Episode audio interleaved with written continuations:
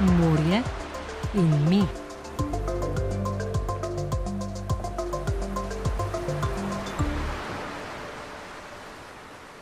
Morje ostaja za zmeraj in z morjem ostajam na ti.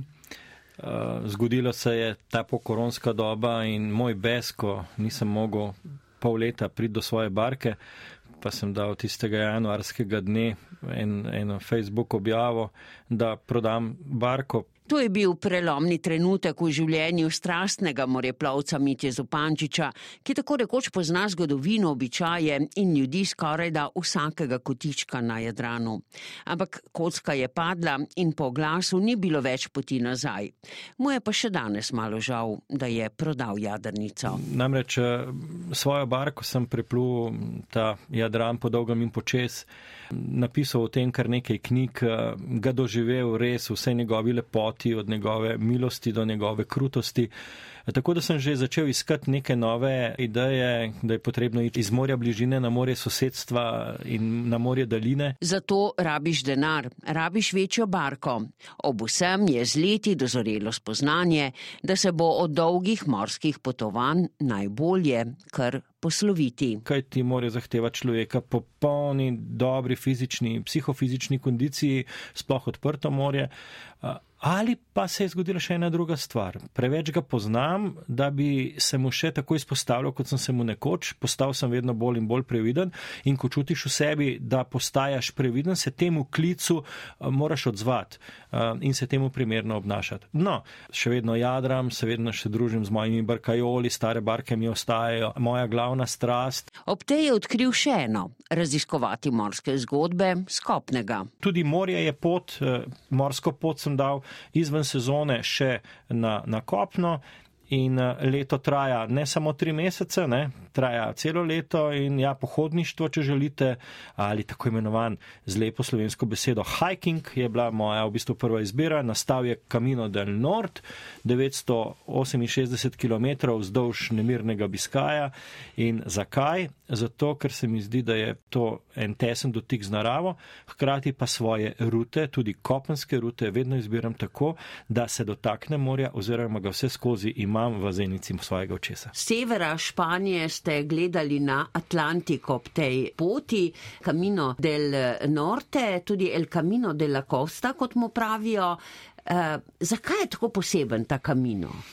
Ta kamino ni tako popularen kot je francoska pot ali klasična srebrna pot, eh, zato ker je zelo težak, zelo viš, veliko višinskih metrov, pa morda še specifičen. Kdo drug bi užival veliko bolj kakšni drugi poti. Meni pa bil on prva izbira, ker gre vse skozi, če sploh če izbereš obalno pot, vse skozi seveda ob Biskaju, Biskaj je del Atlantika in sploh eh, to je precej mračen zaliv. Sam sem imel eno veliko, veliko srečo, da v 27 20 dneh, konec konca sem imel samo s kolegom, profesorjem z Univerze v Ljubljani, dr. Ivanom Štehecom z biotehniške fakultete, sva šla skupaj, da je bilo vse skozi lepo vreme, razen petih dni, kar je seveda prava milost. Ne. Tako sta lahko skoraj v mesec uživala v pogledih, ki jih ponuja Severni kamino. In pogledi, ko jih doživi človek vrh klifov proti, proti oceanu, v tisti zeleni travi, ogromno eh, domačih živali, seveda na pašnik, ki jih ljudje prijazni, sam sem želel raziskati življenje ljudi in tudi njihov tradicionalni, nekoč tradicionalni, tako imenovan baskovski kitolov, eh, s katerim so preživeli skozi zgodovino, se pravi, s kašnimi čovni, zakaj, kako so šli opazovalnice v njihovih fjordih. Sploh pa ne rečem, da je cela pokrajina um, za nekega splošnega pohodnika ni prav nič podobna klasični Španiji. Bolj bi rekel, če bi se zjutraj zbudil malo umotičen z postelje in sam bi rekel, da sem nekje na zeleni Irski, no pa tudi tam, kaj živeči ljudje se nimajo za tiste prave avtohtone Špance, pač pa galjego. Eh, tudi njihov jezik je poseben, tako da ja, velika in lepa izkušnja.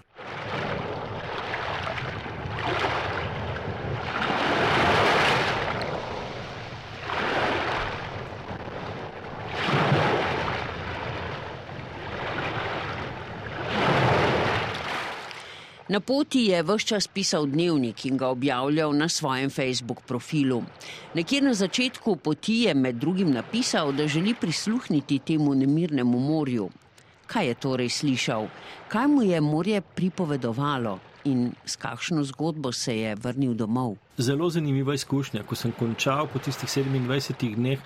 Seko, no, to je bilo to. Ne. Pika, šel sem na, na en dober rum v kraljevsko palačo, tam na, na trgu v Santiago in tako prišel domov. Te vtisi šele sedaj nastajajo in so vedno bolj živi in globoki. Ne. Morja nista gledala le spoti, Veliko krat sta se ga tudi dotaknila.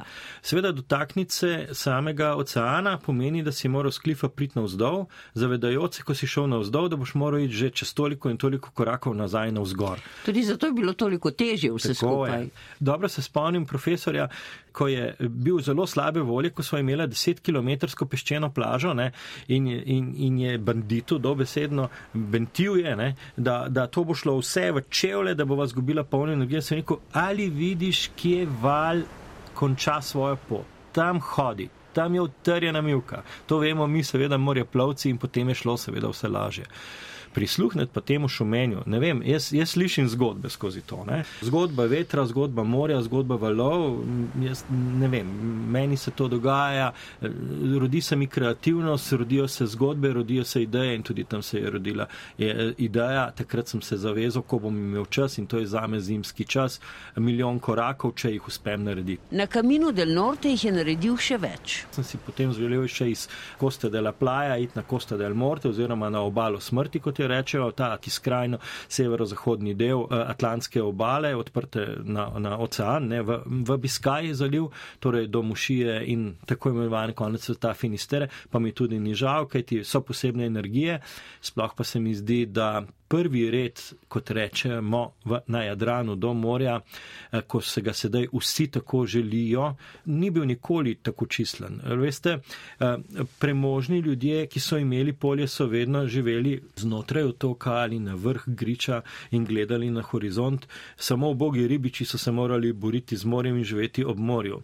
In ko sam, moja španska izkušnja in sedaj tudi doma, nedavno sem bil na Kvarnerju, izredno sem užival, ko sem izpod učke gledal prek vsega Kvarnerskega zaliva, pa ko sem letne počitnice preživel na zasebnem otoku kot gost starega Petra eh, Zankija na svetu oziroma svetem Andriju, 85 metrov nad morjem, ko ti lahko gledaš dol premikajoče se pikice morja plovce, ugotoviš, da prihaja eh, jata tunov, ki se ven meče, eh, opazuješ vreme in predvsem sončne vzhode. To je tista energija, ki seveda bogati človeka. Vrnimo se k Camino del Norte na Atlantsko-špansko obalo, v Biskajski zaliv. Zupančiča je, kot smo slišali, med drugim zanimala tudi zgodba o tradicionalnem kitolovu. Zato zanj ostaja nepozaben obisk vasice Luarka.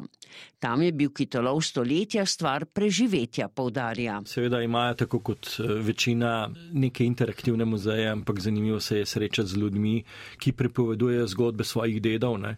kajti ta zadeva je bila v tistih davnih časih in končano v začetku 19. stoletja eh, za njih življensko pomembna. Razvili pa so seveda poseben način prihajanja na morje, posebne čovne, tako kot pri nas, če naš kolega, eh, znani Franko Košuta, razlaga o, o tradicionalnem slovenskem načinu tunolova tam ne izpod eh, pod križem pri Trstu.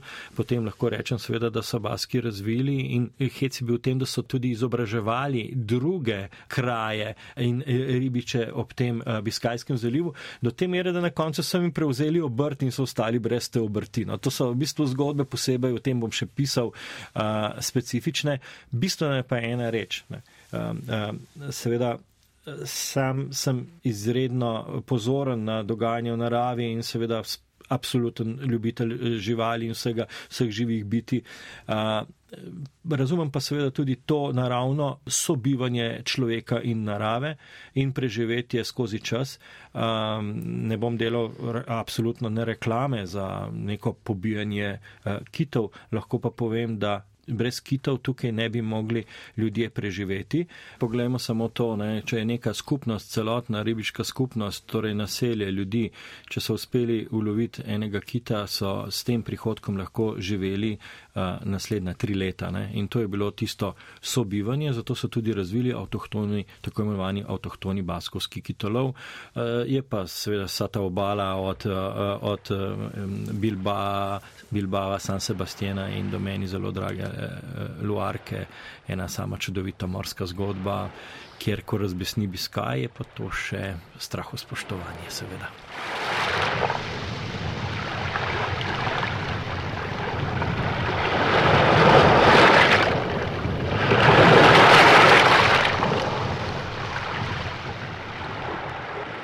Po štirih tednih hoje in tudi nekaj žuljih sta prispela do rta s pomenljivim imenom Finistere. Njegovo ime izhaja iz latinščine in dobesedno pomeni konec zemlje, konec kopnega. Izvor romanja na kapo Finistere kot skrajno točko sveta pa naj bi segal v predkrščanske čase. Za današnje popotnike konec poti označuje obcestni kamen s simbolom kamina in napisom ni celih nič nič kilometrov. Kolega je rekel, da sem bil kot uročen, ne? ampak jaz sploh nisem gledal tistega kamna, mene je zanimal najprej svetilnik, e, ker je tudi moja zgodba leta 2013, svetilniške zgodbe vzdolž eh, Jadrana, ne, se je prelevila samo še v to in tako se je rodila ideja, ki jo moram razviti eh, eh, še do konca in ta je, kaj moram doživeti, da bom pravilno razumel Biskaj. Torej, iz Irske moram oditi na jadranje s tradicionalnim plovilom in pristati v Biskaju. Seveda bodo vsi rekli, beži ven iz Biskaja, ampak to je enostavno treba narediti, ker šele potem bom dojel v bistvu to zgodbo, kajti ta vodna pot, morska pot je ostala enaka. Ne? Tudi vetrovi so ostali enaki. Mi imamo sedaj seveda sofisticirana plovila, ampak če greš še s tradicionalnim plovilom, je to, bi bila pa to res nora avantura in morda bo pa uspela, verjamem, da izkoristil sem seveda sedaj najno oddajo, pa sem kar svojim domačim sporočil, kaj mi nori po glavi, bo nekako lažje eh, vse skupaj šlo. Miti Zupančiču načrtov nikoli ne zmanjka. Pred kratkim se je vrnil 150 km kamina na Krku. Počasi nastaja tudi že knjiga o španskem kaminu ob Atlantski obali. Ta se bo pridružila dvanajstim, ki jih je napisal v zadnjih enajstih letih. Zadnje je šla letošnjo pomlad.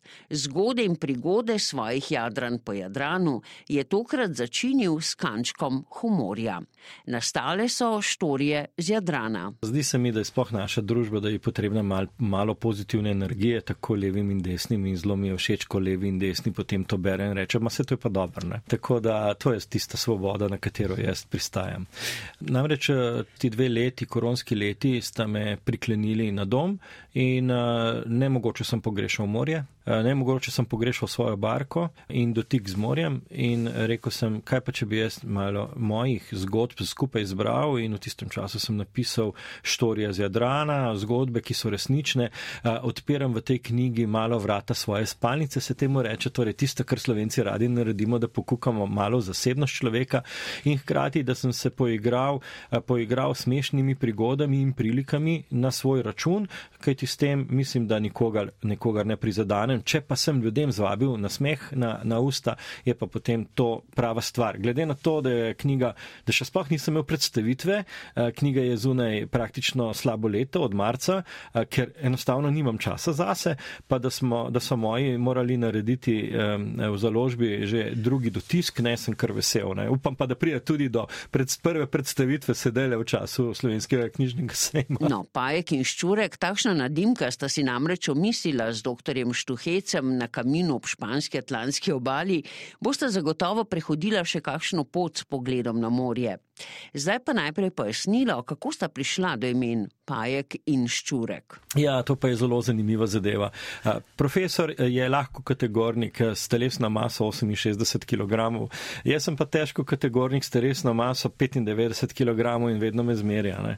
Ampak moja konstrukcija je drugačna. In ko sva šla, ko me je zvabo nepripravljenega in je vedel, da je edina možnost, da bo najna skupna pot se dotaknila morja, sva šla lansko leto, oktobra meseca, od Ljubljane do Trsta lista. Jaz sem zvečer ob deseti uri uh, nehal pisati, potem sem zapakiral na hrbnik in ga poklical.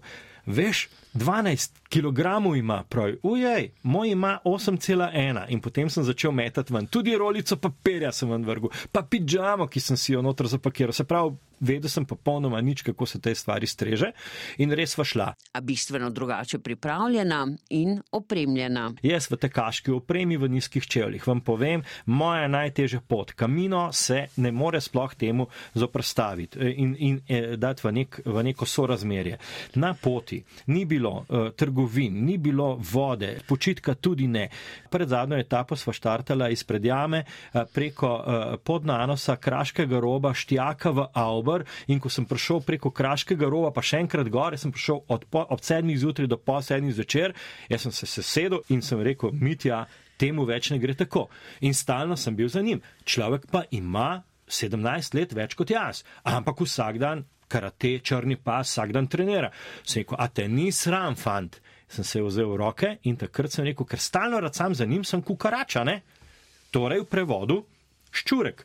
Ja, on je pa en pajkec, ne, v španščini aranja in smo si nadela takšni imeni. Ampak sedaj se je zgodilo, da me je nedavno, ker je bil z menoj na kamino Krku, rekel, da sem kekec.